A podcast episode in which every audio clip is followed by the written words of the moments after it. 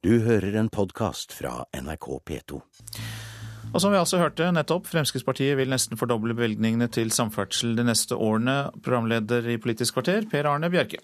Landet har penger nok, mener Fremskrittspartiets Bård Hoksrud, og vil øse av oljeinntektene. Og tidligere statssekretær i Arbeidsdepartementet frykter økt sosial dumping og et mer usosialt arbeidsmarked.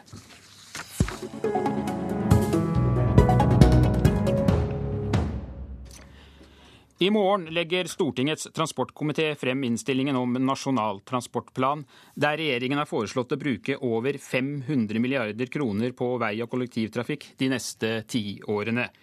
Men Fremskrittspartiet mener det er altfor lite, og foreslår å bruke ytterligere 455 milliarder statlige kroner. Eller sagt på en annen måte, Frp vil bruke omtrent et helt statsbudsjett på å bygge vei og bane. Og samferdselspolitisk talsmann Bård Hoksrud, kan du nå fortelle hvor du skal hente alle disse pengene?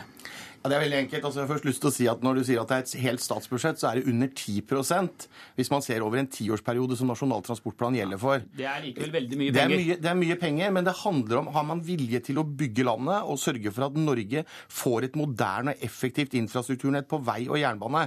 Og det handler altså om at I fjor hadde vi nesten 400 milliarder kroner i overskudd på statsbudsjettet. Det er nesten like mye som det vi legger inn i den neste tiårsperioden.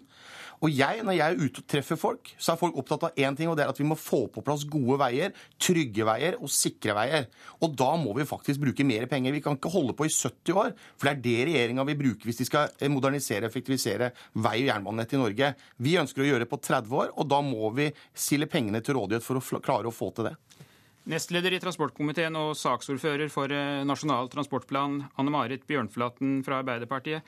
Hvorfor kan vi ikke gjøre som Frp og Hoksrud sier, ta et gigantløft for å få orden på veier og kollektivtransport? For det første så har jo for så vidt Knut Arild Hareide en av de som Bård Hoksrud kanskje skal samarbeide med etter høsten, rett i at dette er urealistisk. Det vil bety at man bryter handlingsregelen. Og skal man bruke så mye på investeringer, så må man faktisk ta pengene på drift andre steder. Det betyr antageligvis store kutt på helse og skole. Hvor Frp skal kutte, det får vi jo selvfølgelig ikke vite i dag. Men det som jeg syns er viktigst, er egentlig at jeg syns dette forslaget til Frp er totalt uinteressant. Så lenge, altså Nå skiller det altså over 400 milliarder kroner mellom det Høyre og KrF vil gjøre, og det Fremskrittspartiet vil gjøre. Og vi vet per i dag, vi skal avgi i morgen, og vi vet per i dag ikke hva de borgerlige vil gjøre, hvordan de vil finansiere samferdsel hvis de skal styre etter valget. Jeg, jeg synes jo Det som er så synd å høre på Arbeiderpartiet, er jo på mange måter at det eneste du hører, er å gå i forsvar istedenfor å diskutere skal vi løse de store utfordringene vi har på samferdsel, eller skal vi ikke gjøre det. Og Det er viktig å ha med seg at Fremskrittspartiet i de 450 milliarder kronene, så ønsker vi å opprette et statlig selskap på vei og jernbane, eh, hvor vi skal tilføre penger og bruke de på samfunnsøkonomiske lønnsomme veiprosjekter. Det betyr at istedenfor å putte pengene inn i Coca-Cola eller aksjer i utlandet og obligasjoner, så bruker vi pengene på å investere i vei i Norge. Det er den beste og mest lønnsomme investeringen vi kan gjøre for tida. Bjørnflaten, er det slik at dere bare går i forsvar hver gang Fremskrittspartiet foreslår noe, slik Hoksrud sier her? Nei, vet du hva, vi har overhodet ikke behov for å gå i forsvar når det gjelder Nasjonal transportplan vi har lagt frem. Vi skal bruke en halv billion kroner på samferdsel de neste ti årene. Det har aldri vært bygd mer vei og bane enn det er nå. Det kommer heller aldri til å bli bygd mer vei og bane enn det vil bli med det rød-grønne transportforslaget. Vi skal f.eks. bygge intercity, noe som fører til at reisetida vil reduseres kraftig for folk på østlandsområdet. Men jeg har lyst til å spørre Bård Hoksrud. I den nasjonale transportplanen som vi har lagt frem, så ligger det altså 174 veiprosjekter. 92 altså flertallet, er finansiert uten bom. 82 er finansiert med. 25 er under bygging. Det er 57% prosjekter i NTP som skal delfinansieres med bompenger. Og vi vet at Høyre har sagt at de er for, Frp er mot. Hva kommer til å bli skjebnen til disse 57 veiprosjektene med ei borgerlig regjering, når dere er så dundrende uenige om bruk av bompenger? Du har jo sagt at hvis du blir samferdselsminister, så kommer det ikke til å bli ett bompengeprosjekt i landet. Hva skjer med de 57 prosjektene? Prosjektene? Anne Marit Bjørnflaten, det kan du slappe veldig av med. Men jeg har lyst til å utfordre deg Jo, men tilbake. på det hun jo, men, jo, men poenget er at vi ønsker å bruke mye mer penger, og det gjør alle de borgerlige partiene. Fremskrittspartiet Nei, vil bygge Fremskrittspartiet, Fremskrittspartiet vil bygge veier og eh, jernbane. Det som er synd, er at regjeringa må bruke fem år ekstra på å bygge ut full intercity, på tross av at de lova at det skulle vært ferdig innen 2023. Men jeg har lyst til å utfordre Bjørnflaten på et viktig prosjekt. Vestkorridoren E18 ut av Oslo. Der koster det nå altså snart to milliarder kroner bare å stå i kø. Hvis man hadde framskyndet det prosjektet fra Oslo til Asker og sørga for å bygge ut det forbi Sandvika, så kunne man altså spart to milliarder kroner i året. Det betyr i løpet av ti årsperiode så hadde man spart inn halve det prosjektet. Og hele det man nå skal bygge denne regjeringa. Og det er jo det det handler om. Kan vi ikke brune og gjøre ting nå? fordi da sparer man kostnader, og så blir det mer effektivt.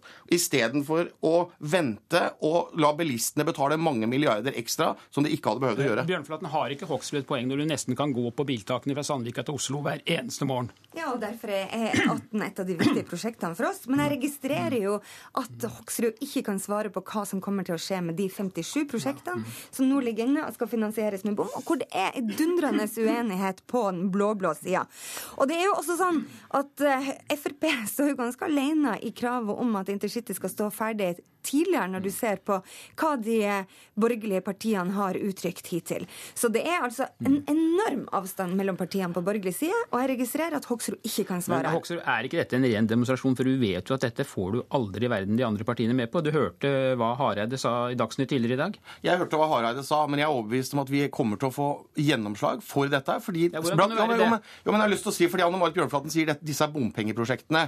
Jeg skjønner ikke hvorfor Anne Marit Bjørnflaten har syns at det er greit at bilistene skal kaste bort 30 milliarder kroner i året. For det er realiteten i innkreving og rentekostnader. Fordi at man skal flå bilistene med bompenger. Isteden bør man jo sørge for å fullfinansiere det. Det er det Fremskrittspartiet gjør.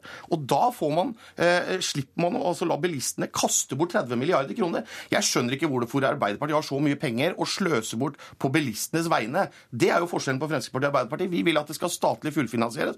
De prosjektene kommer til å bli bygd, og de kommer til å bli bygd med en annen regjering, og de kommer til å bli bygd, det er overbevist om, uten bompenger. Men det handler også om at velgerne og de som sitter og hører på, må sørge for at Fremskrittspartiet blir sterke i en eventuell regjeringskonstellasjon. Ja, nå er det jo sånn at eh, Lokalt ser vi jo at Fremskrittspartiet ofte er de viktigste pådriverne til å få på plass bompengeløsninger. Jo. Frp har altså vært pådrivere for bompenger lokalt. I Både når det gjelder. Oslopakke 3, Os, Austevoll, Askøy, Hole, Tønsberg osv. Men det er jo ikke det viktigste. Jeg- jeg synes du det, burde være redelig, det viktigste er jo at de partiene Frp ser for seg å samarbeide med i regjering, faktisk ønsker tilnærmet lik den samme politikken som vi har. Det er bare små, små forskjeller som er forskjellen på Arbeiderpartiet, Høyre og KrF sin politikk. Det er altså over 400 milliarder jeg, jeg som skiller håper snart at, at FrP, Anne Marit Høyre og Bjørnflaten KrF. dokumenterer en del av de, Og de kommunene hun nå påstår Ja. går litt bedre. og vi, får, vi har ennå ikke fått svaret på hva som skjer med de bompengeprosjektene som ligger inne.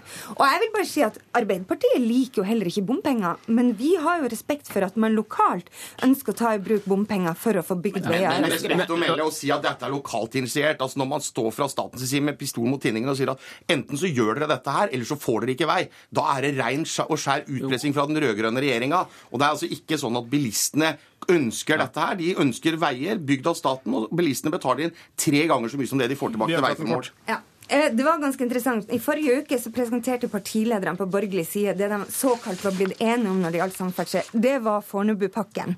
Det vil si, Siv Jensen glemte å opplyse at, om at også der ligger det altså 1 milliard kroner inne i bompenger. Det er det eneste de nesten har klart å bli enige om. De er uenige om finansiering, uenige om bompenger, og de er også uenige om f.eks. Ja. belønningsordninga som en oppfølging av klimaet. takk, takk skal dere ha, begge to. Dere får fortsette debatten på gangen.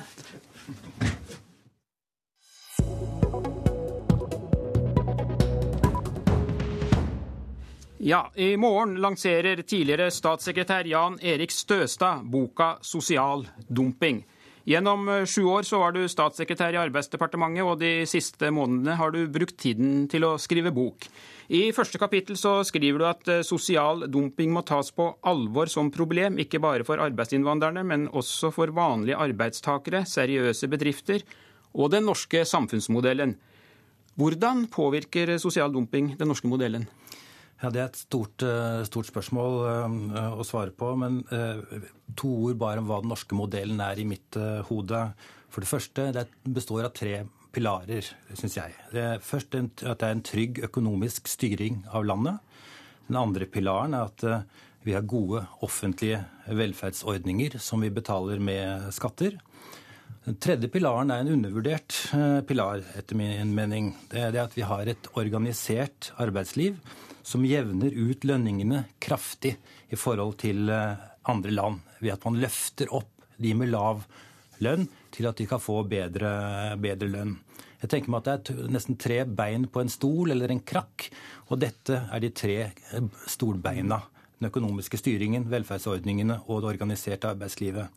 Så jeg er bekymra for at eh, sosial dumping kan spre seg utover det norske arbeidsmarkedet og undergrave dette stolbeinet som går på det organiserte arbeidslivet. Hvis vi ser litt historisk på dette, så har jo sosial dumping økt etter utvidelsen av EU i 2004, som du selv også er inne på i boka. Nå blir EU utvidet ytterligere østover, og vil dette føre til enda mer sosial dumping og mer usosiale arbeidsforhold? Ja, jeg tror vi, vi, ser for oss Jeg tror at drivkreftene for sosial dumping kan komme til å øke heller enn å avta framover. Og min bekymring er at sosial dumping ikke bare er et punktproblem for arbeidsinnvandrere og useriøse aktører, men at de seriøse virksomhetene i Norge, norske virksomheter, blir, kommer utsatt for urettferdig konkurranse og får et voldsomt dilemma når de begynner å tape kontrakter til de useriøse. Og Dermed kan dette spre seg utover, og de er nødt til enten å, å, å si opp eh, norske arbeidstakere eller å presse deres ja, lønninger ned. Er det noe vi kan gjøre med dette, så lenge vi er medlem av EØS og arbeidsinnvandringen den vil fortsette å komme? Det vet vi jo. Ja, det, det, som er bekymringsfullt her, er at uh, dette kan skje selv om en norsk regjering ikke uh, gjør noen ting. Selv om en norsk regjering sitter helt stille i båten, så, kan, uh, så vil dette fort kunne bare øke og øke i, i styrke. Regjeringen som, har, som, nå sitter, har gjort en, en, god del. Partene i arbeidslivet har gjort en god del, men det er ingen tvil om at man må fortsette en, en stadig kamp Eh, for å, få, for å holde, demme opp for de eh, problemene som, eh, som, ligger her. Og Jeg er særlig kanskje opptatt av en ting er at regjeringen må ha en, en, proaktiv politikk, men det er også slik at partenes rolle, og ikke minst arbeidsgivernes rolle, er viktig å ta på, ta på alvor her. For her må det være en felles, felles innsats. Ja, Du nevner regjeringa. Du har jo selv da vært eh, statssekretær i Arbeidsdepartementet gjennom sju år, fra 2005 og fram til for et halvt år siden. Men er norske myndigheter egentlig nesten maktesløse? For problemet har jo økt i løpet av de årene du har sittet med en del av ansvaret for dette? Ja, problemene er blitt større enn vi så for oss, og finanskrisa er ute. Ehm, det har jo økt eh, disse problemene. Når folk har, eh, så mange mister jobb ute, så vil presset på arbeidsinnvandring, som i seg arbeidsinnvandring er positivt og bra for norsk økonomi stort sett, men dette problemet øker jo når arbeidsinnvandringen eh, øker. Regjeringen har foretatt mange, mange, grep og demmet opp. Men vi ser altså, etter, som, som, jeg kan lese tegninga nå, så vil drivkreftene for sosial dumping eh, bare øke. Og hvis du da sitter stille i båten, så vil problemene kunne undergrave norske måten å drive arbeidslivet på, og som igjen altså er et av, et av de tre beina på den norske mm. modellen som har gitt oss så mye fine ting som vi alle, alle, kjenner. Men hadde det egentlig vært enklere å løse dette problemet hvis vi ikke hadde vært medlem av EØS, slik to av dine tidligere samarbeidspartier i regjeringen jo egentlig mener? Jeg tror det er en urealistisk enklere? vei. Uh, akkurat dette problemet kunne man kanskje løst, men det ville skapt mange andre problemer. Dessuten så er det jo slik at vi har hatt et felles arbeidsmarked med Sverige og Danmark siden 1954. Og det virker uhyre dramatisk å kunne og, de er nå gått inn i, inn i, EU. Og, det å, å, å, ødelegge det nordiske felles arbeidsmarkedet ville være en tanke som jeg tror få ansvarlige politikere ville tenke seg. Men da er situasjonen er som den er, og er det da mulig å regulere dette gjennom lover og regler, eller dreier det seg rett og slett om holdninger hos de som da f.eks. kjøper billig arbeidskraft? Og det er jo sånn at de fleste av oss vil betale minst mulig når vi skal ha en snekker? Det er et både og. Du må ha gode lover og regler, og det, det skjer stadig vekk nye måter å drive eh, sosial dumping på. Så det er et mangehodet troll. Så du må stadig vekk utvikle nye eh, tiltak. Eh, F.eks. når utenlandske selskaper kommer her med, til Gardermoen med, og, og med store arbeidslag, så er det en ny type utfordring som man må må se på. Men så handler det veldig mye om etterlevelse av eh, disse reglene. For det nytter ikke med papirregler som ikke blir eh, etterlevet. Og så må vi ha arbeidstakerne og arbeidsgiverne må sørge for å jobbe hardt med organisering og bidra ordentlig på å, å si et felles løft for å demme opp for det som nå skjer. Takk skal du ha, Jan Erik Støstad, forfatter av boka 'Sosial dumping'. Og det var Politisk kvarter med Per Arne Bjerke. Du har hørt en podkast fra NRK P2.